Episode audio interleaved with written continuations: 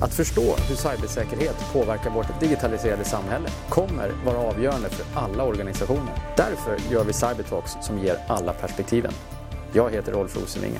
Välkommen! I veckans avsnitt av Cybertalks träffar vi Martin Wern från Scandinavian Risk Solutions. Martin har en unik erfarenhet av säkerhetsskydd och har bland annat varit med i framtagandet av vår nya säkerhetsskyddslag. I avsnittet får vi bland annat höra hur man kan se på möjligheten att använda molntjänster, men också hur lagen om offentlig upphandling kan påverka möjligheten till säker digitalisering. Hej och välkomna till ytterligare ett avsnitt av Cybertalks. Eh, idag har vi med oss eh, Martin Wern som är affärsområdeschef nationell säkerhet på ett företag som heter Scandinavian Risk Solutions. Eh, välkommen Martin! Tack så mycket! Eh, vi har ju känt varandra eh, under ganska många år. Eh, båda från Försvarsmakten från början. Eh, vi har stött och blött eh, en del frågor eh, genom åren men nu var det faktiskt ett tag sedan. Men eh, kanske en kort introduktion till dig bara. Mm. Eh, jurist i botten. Eh, som sagt försvarsmaktsbakgrund under lång tid vid militära underrättelse och säkerhetstjänsten. Har arbetat med säkerhetsskydd nästan i hela mitt vuxna liv. Eh, jag skrev till exempel min eh, examensuppsats på juristlinjen om den då nya säkerhetsskyddslagen som hade precis kommit då 96, jag skrev den 98. Då. Och sedan dess har jag egentligen jobbat med säkerhetsskydd i olika, i olika organisationer och i olika perspektiv. Så det är väl lite grann mitt specialintresse då, säkerhetsskydd. Just det. Och, eh, det är ju ett väldigt spännande ämne men dock eh, något som kanske från utsidan kan uppfattas som relativt smalt. Så, men var, var kom intresset eh, eh för dig? Ja, men jag tror att det var i skärningen mellan just försvaret och juridiken. Eh, där jag lockades lite grann av, av den typen av juridik som, som riktar sig mot skyddet av vårt samhälle, skyddet av Sverige. Och eh, hur man konstruerar en lagstiftning kring just det skyddet och gör den så ändamålsenlig som möjligt. Eh, jag fick ju möjlighet eh, under tiden på MUST att vara tjänstledig och eh, vara utredningssekreterare åt den särskilda utredaren Sten Heckscher i just utredningen om säkerhetsskyddslagen som låg till grund för den här nya som trädde i kraft 1 april i år. Och eh, det var ett fantastiskt arbete att få just se de brister som fanns i den gamla lagstiftningen och försöka åstadkomma något bättre. Men jag håller med, det är naturligtvis en, en, en snäv lagstiftning och den är väl fortfarande lite grann eh, otillgänglig för de breda massorna. Men eh, dock eh, intressant och eh, välbehövlig. Precis, jag tänkte komma till det, men ack så viktig på något sätt därför att den, så att säga, själva skopet för lagstiftning är ju faktiskt någonting väldigt viktigt och jag kallade det fortfarande rikets säkerhet. Du rättade mig direkt här innan och sa Sveriges säkerhet och det är ju helt sant. Eh, det sitter vissa saker kanske sitter lite djupare än andra men givetvis Sveriges säkerhet. Ehm, och det här avsnittet tänkte jag skulle ju handla just om det, att vi har fått en ny säkerhetsskyddslagstiftning, vi har fått ett NIS-direktiv, vi har också introducerat ytterligare lagstiftning som GDPR eh, relativt nyligt. Eh, samtidigt som hela samhället har och fortfarande håller på att, att digitaliseras, vilket ju gör, tänker jag, min hypotes, att hur man gör säkerhetsskydd måste ju också ha har ändrats ganska mycket. Men om vi börjar backa det lite, så att säga, i den nya lagen, är det några väsentliga skillnader i scopet för vad, för vad som är innanför lagstiftningen? Ja, det skulle man kunna säga att eh, om man, man tar två huvudaspekter. Dels så gör lagstiftningen en ambitionsökning. Eh, tidigare lagstiftning var en ren konfidentialitetslagstiftning. Skyddet för uppgifter var det som var i fokus. Den här lagstiftningen tar ett kliv upp och tittar istället för bara på uppgifter på säkerhetskänslig verksamhet. Det vill säga verksamhet som på något sätt är betydelse för Sveriges säkerhet. Och genom det får vi också ett nytt synsätt på information. Det är inte bara konfidentialiteten som är i fokus, alltså skyddet för att uppgifter röjs, utan också andra värden av information, tillgänglighet och riktighet. Så på det sättet är det eh, en modernare lagstiftning. Den andra delen är att den eh, har en betydligt bättre internationell prägel och en anpassning till en internationell värld.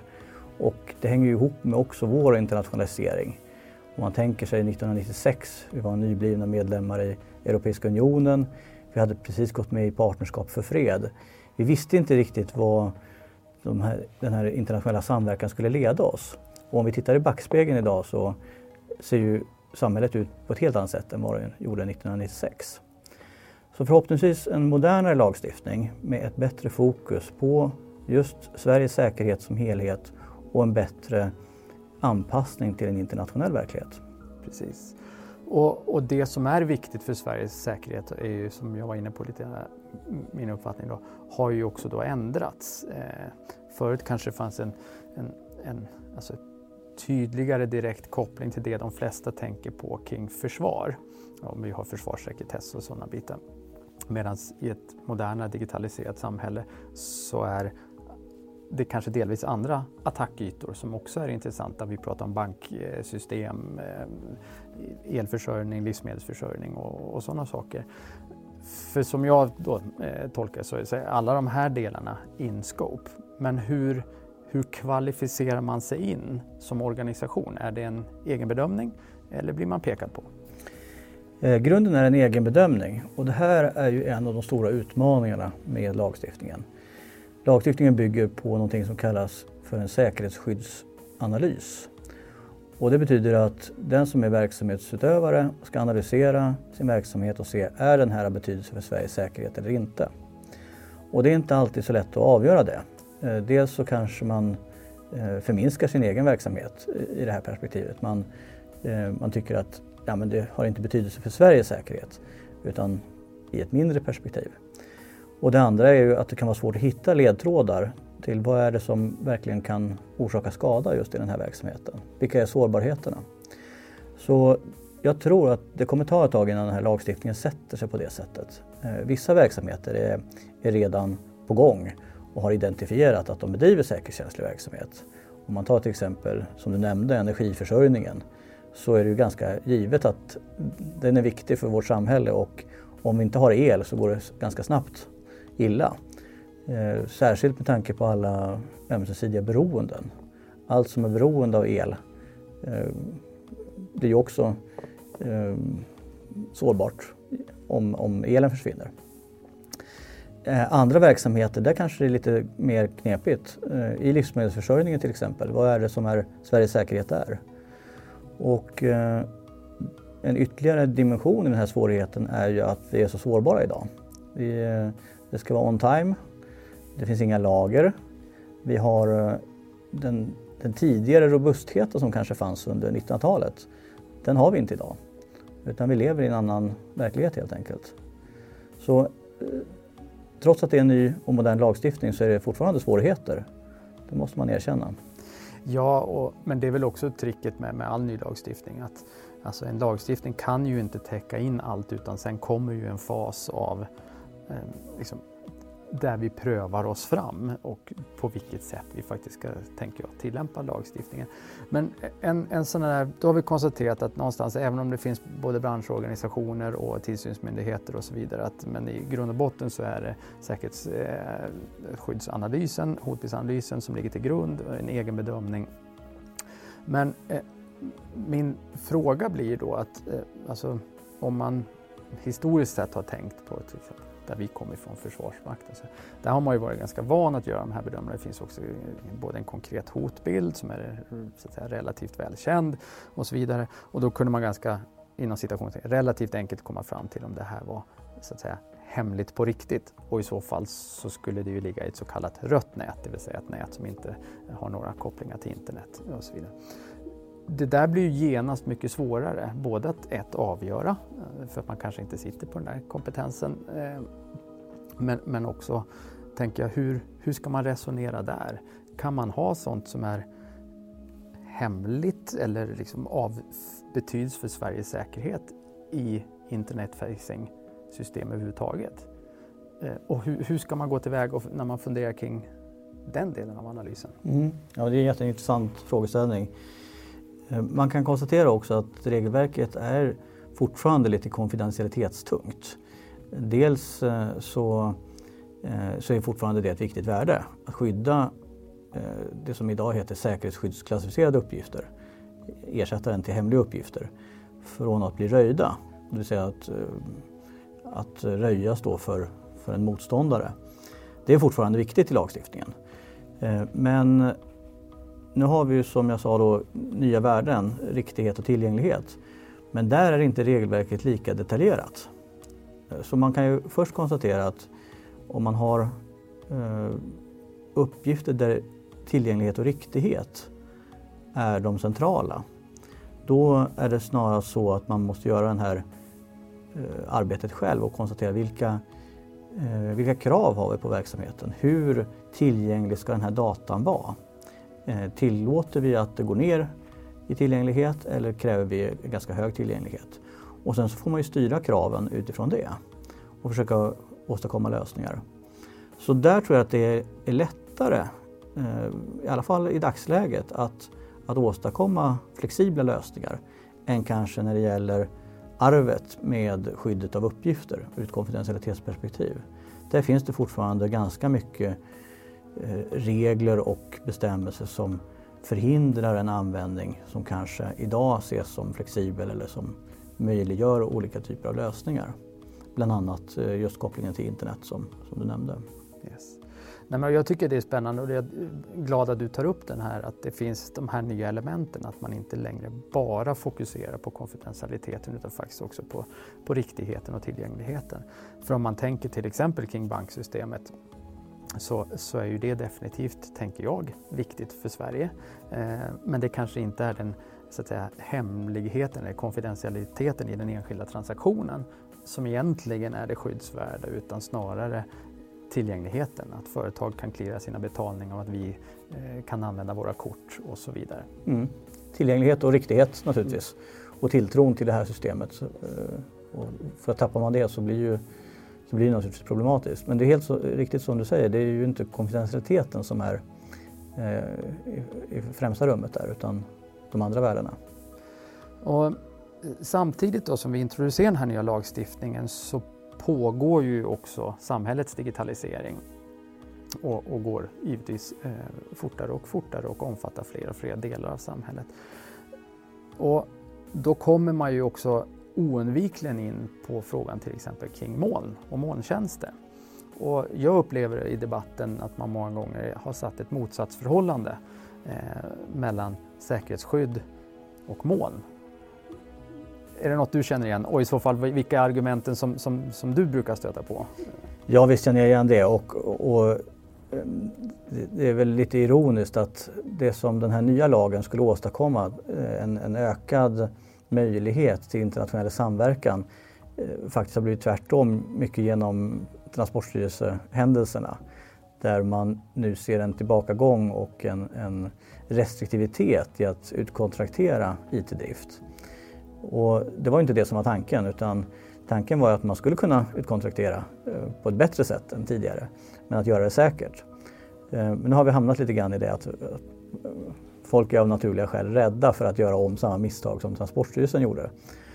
Eh, det jag tycker är intressant i alla fall det är att man, man från regeringens håll eh, tittar på de här frågorna och tidigare i höstas så, så tillsatte man ju en utredare eh, Anneli Rosvall Ljunggren eh, som är generaldirektör för Statskontoret att eh, som särskild utredare utreda just säker och kostnadseffektiv IT-drift för den offentliga förvaltningen. Och jag konstaterar att i, det, eh, i de utredningsdirektiven så nämns säkerhetsskydd 27 gånger. Och det visar ju lite grann på, på vikten av det här och att man ser, eh, man ser en koppling till säkerhetsskydd men man ser också att det här är två förenliga värden. Och här är det ju inte bara IT-drift i ett klassiskt perspektiv med en serverhall utan här är det ju molntjänster också som är eh, en del av den här som utredaren ska titta på. Så jag tror att vi, det är en mognadsprocess. Eh, det finns svårigheter i det här. Eh, det finns ju bestämmelser som säger att om man har data som man eh, använder utanför sin kontroll då ska den här datan krypteras med hjälp av signalskyddssystem som är godkända av Försvarsmakten. Och vi har i dagarna sett nya föreskrifter just om signalskyddstjänsten som också trädde i kraft 1 januari nästa år. Där det fortfarande är ganska rigid eh, regelgivning om hur man får göra när man ska skicka den här typen av data. Och det påverkar naturligtvis om man har en molntjänst. Eh, det borde inte vara omöjligt. Men risken är ju att idag att vinsterna med en, en molntjänst äts upp lite grann av den administration som det krävs för att, eh, för att lösa de här säkerhetskraven. Precis, och eh, jag tycker att det är lite spännande som, som jobbar inte bara i Sverige utan i Norden och på en del andra eh, ställen eh, också. Storbritannien och, och, och så vidare. Men, men det, så som jag, min uppfattning är att så räcker att gå till Finland. Där, där har man en ganska tydlig liksom cloud first strategi eh, även för offentlig eh, verksamhet. Man har givetvis då en, en, annan, där har man inte våran säkerhetsskyddslagstiftning men man lyder under samma GDPR och samma NIS-direktiv och så vidare. Bara en intressant, tycker jag, eh, observation att vi ändå kan i alla fall vad det verkar hamna i lite olika tolkningar av vad här i Sverige så hör jag ofta att, att det är bland annat rädslan för amerikanska Cloud Act och FISA-lagstiftningen, det vill säga alltså underrättelselagstiftningen där borta som, eh, som man framför kanske ibland som skäl för att inte kunna använda molntjänster. Men då tänker jag tillbaks på det som du nämnde tidigare eh, här också att men ibland är det ju kanske inte konfidentialiteten som är det skyddsvärda utan tillgängligheten och, hur, hur, ska vi, hur ska vi navigera det där? Ja, jag tror att... Det... Där kanske, förlåt, där kanske tillgängligheten egentligen stärks mm. i, en, eh, i en molntjänst jämfört med en gammal legacy on-prem lösning driftad av en icke så professionell driftleverantör i värsta fall. Mm. Eller in-house där ja. man kanske inte heller har tillräckligt med resurser för att, eh, och inte den skalbarhet som kanske behövs. Så jag tror att Eh, vi kommer nog se en snabbare utveckling mot molntjänster på just tillgänglighets och riktighetsområdet än på konfidentialitetsområdet. Jag tror att inom konfidentialiteten, om vi använder det som ett begrepp då för att skydda uppgifter mot att de röjs. Eh, där tror jag att det kommer bli en utveckling där också. Jag tror att man på signalskyddssidan nu kommer utvecklas i en snabbare takt än vad man har gjort tidigare. Eh, dagens, eller de signalskyddsföreskrifter som träder i kraft 1 januari, de gäller ju hela samhället. Från att tidigare ha rört enbart totalförsvaret. Och det här gör att kraven på eh, tillgång till signalskyddssystem och tillgång till signalskyddssystem som, som är anpassade för just de här olika typerna av säkerhetskänslig verksamhet, de kommer att öka. Och de kommer att ställa krav på de som utvecklar signalskyddssystem att, eh, eh, att lösa de här problemen att eh, se till att vi kan ha molnlösningar, men säkra sådana, med eh, godkända signalskyddssystem som är tillräckligt snabba och tillräckligt tillgängliga för att de inte ska just dra ner de här vinsterna som, som just molnen och molntjänsterna innebär. Precis. Um, nej men, och jag tycker att det här, är en, det, här är en, det här är en ganska viktig distinktion som vi gör här nu lite grann. Att vi ser kanske ett scenario för verksamheter som håller mycket information där konfidentialitet, konfidentialiteten är det viktiga och kanske en del andra scenarier för där, där det är snarare tillgänglighet och riktighet som är eh, det centrala för verksamheten. Och det tycker jag är en, en, en bra eh, en, en, bra distinktion att göra. Men Sen tänker jag också eh, med den nuvarande lagstiftningen, är det, är det alltid och naturligt eh, så att säga, mer säkert att stanna kvar i existerande lösning än till exempel att eh, upphandla på nytt i en, i en större, till en större molntjänstleverantör? Nej, det tror jag inte man kan säga generellt att det är säkrare att vara kvar utan Eh, utvecklingen går ju framåt på alla områden och eh, det som är lite oroväckande här då det är att gapet mellan IT-säkerhetshotet och IT-säkerheten ökar ju för varje dag. Och vi har inte sett att de här kurvorna konvergerar tyvärr än. Och det gör ju att även hotbilden ökar. Eh, vi, vi, pratade lite grann om det här med, med det geografiska också. Eh, vad innebär det att man har en molntjänst i Sverige och en molntjänst till exempel i Indien? Och det är, man kanske inte ska dra så långtgående växlar just på geografin här. Eh, det mesta är ju, liksom, finns ju tillgängligt via kabel. Samtidigt kanske man bör ta med det också i, i sin bedömning. Eh, jag satt ju med i, som ämnessakkunnig i Transportstyrelsegranskningen Och där diskuterade vi mycket, är det, är det lämpligt att vi har vårt körkortsregister i ett annat land? Är det inte så att vi kanske ska ha vissa av de här eh, viktiga systemen, viktiga databaserna eh, hos oss här faktiskt geografiskt i Sverige? Just för att undvika en eh, framtid där vi ser att ett land är tvunget att välja mellan sin egen säkerhet och mellan svensk säkerhet. För där kan vi nästan vara säkra på att varje land kommer att välja sin egen säkerhet främst. Och det kan ju vara i sådana saker som tillgänglighet till, till eh, kablar, det kan vara IT-resurser, det kan vara personella resurser där man då prioriterar sina egna intressen för våra. Och särskilt i fall där, där vinsterna är ganska låga så kanske man ska vara lite mer försiktig och tänka ytterligare ett steg. Eh, vad innebär geografin för just den egna säkerhetskänsliga verksamheten?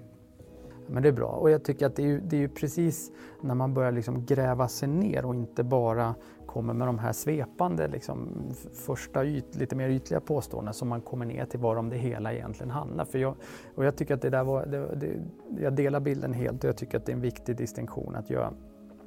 Och bara tillbaks till, till den frågan som jag ställde eh, kanske tidigare också är att jag träffar ju många eh, organisationer idag som Eh, som så att säga, håller emot i så att säga, hela månförflyttningen.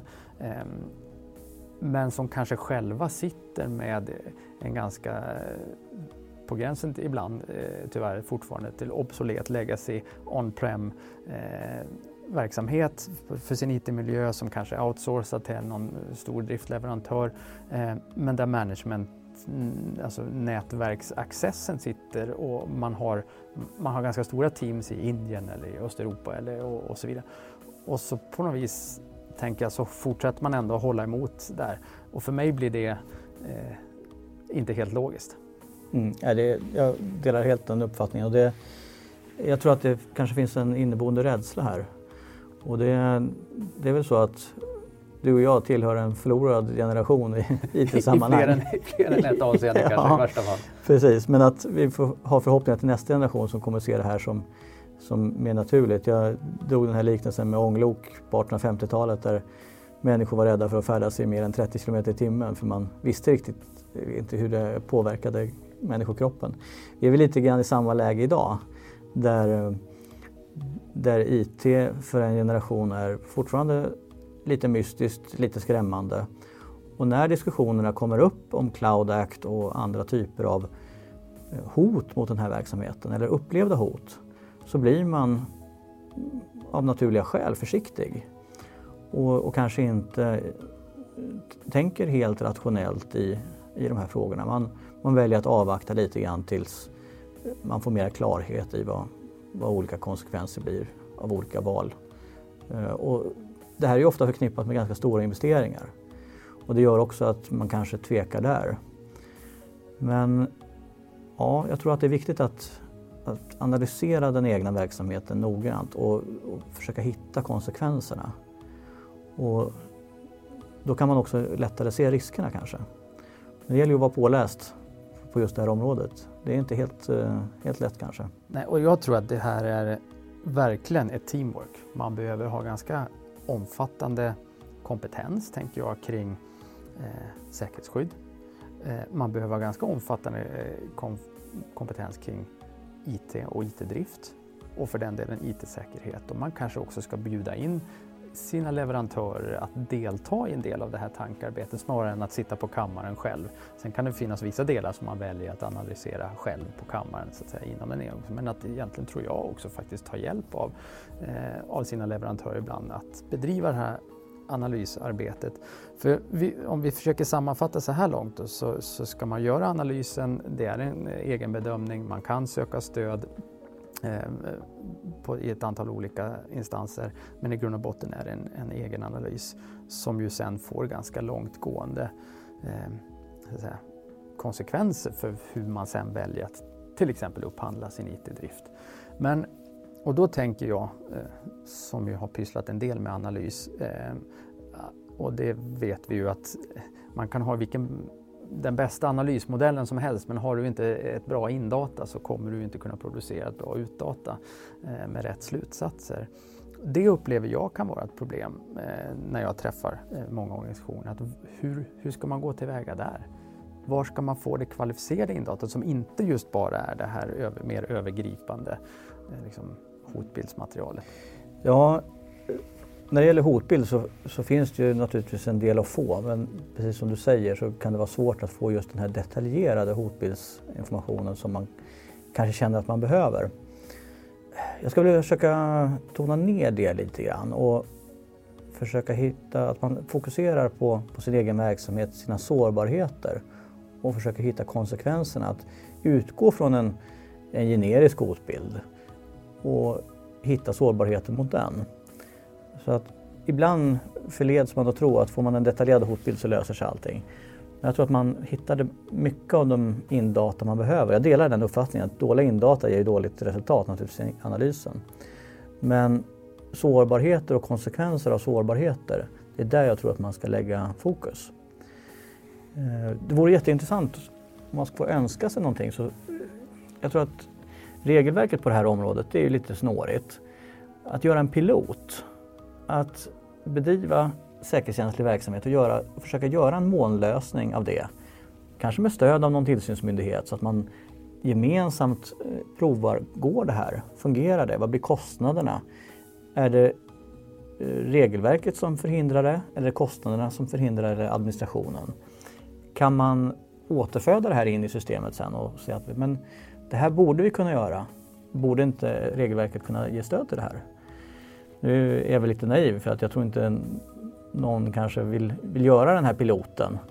Fast här är det Cybertalks, här får man önska här sig. Här får man önska sig. Så nu när det närmar sig jul här så får jag väl önska mig det då att man, att man gör lite grann så här för att se eh, kanske man skulle kunna eh, vända sig till forskningen.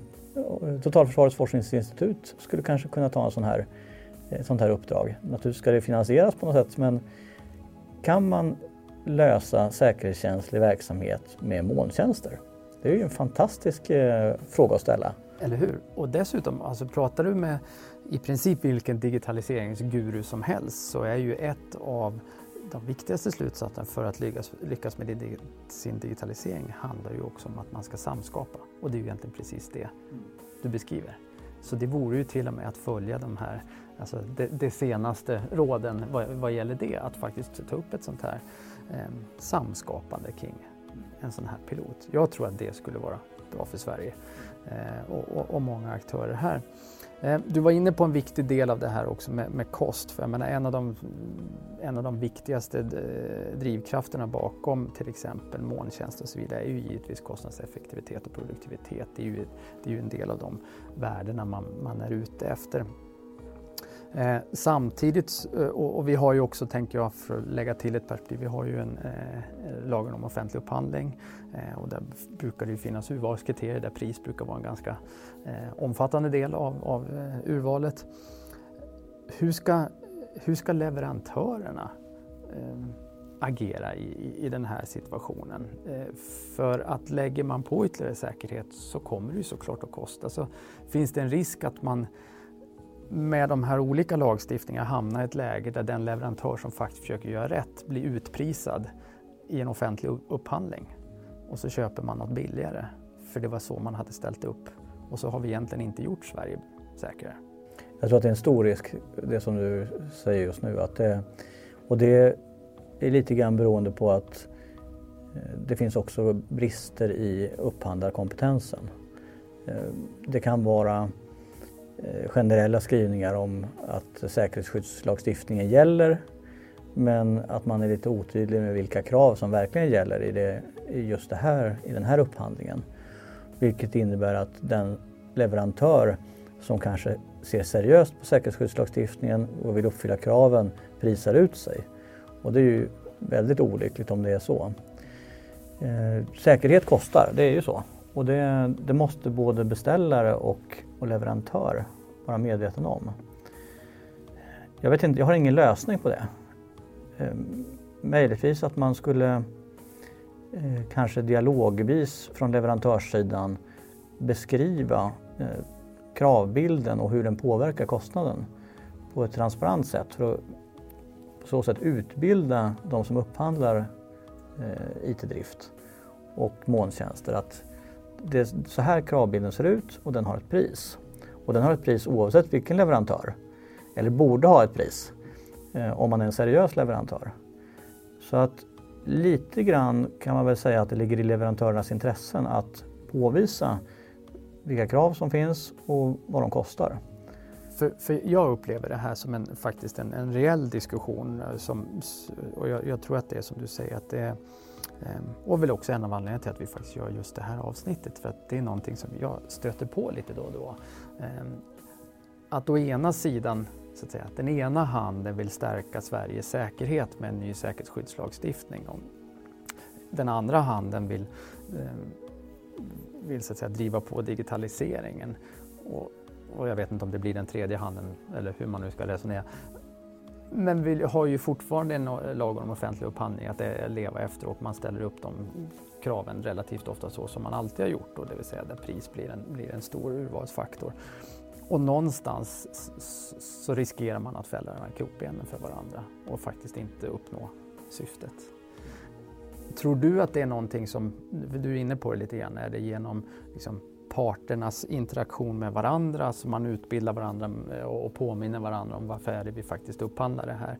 Är det vägen framåt eller är det någonting som kan så att säga, beskrivas i en föreskrift eller eh, så? Hur, hur kommer man framåt? För det här upplever jag är en reell, mm. ett reellt problem idag.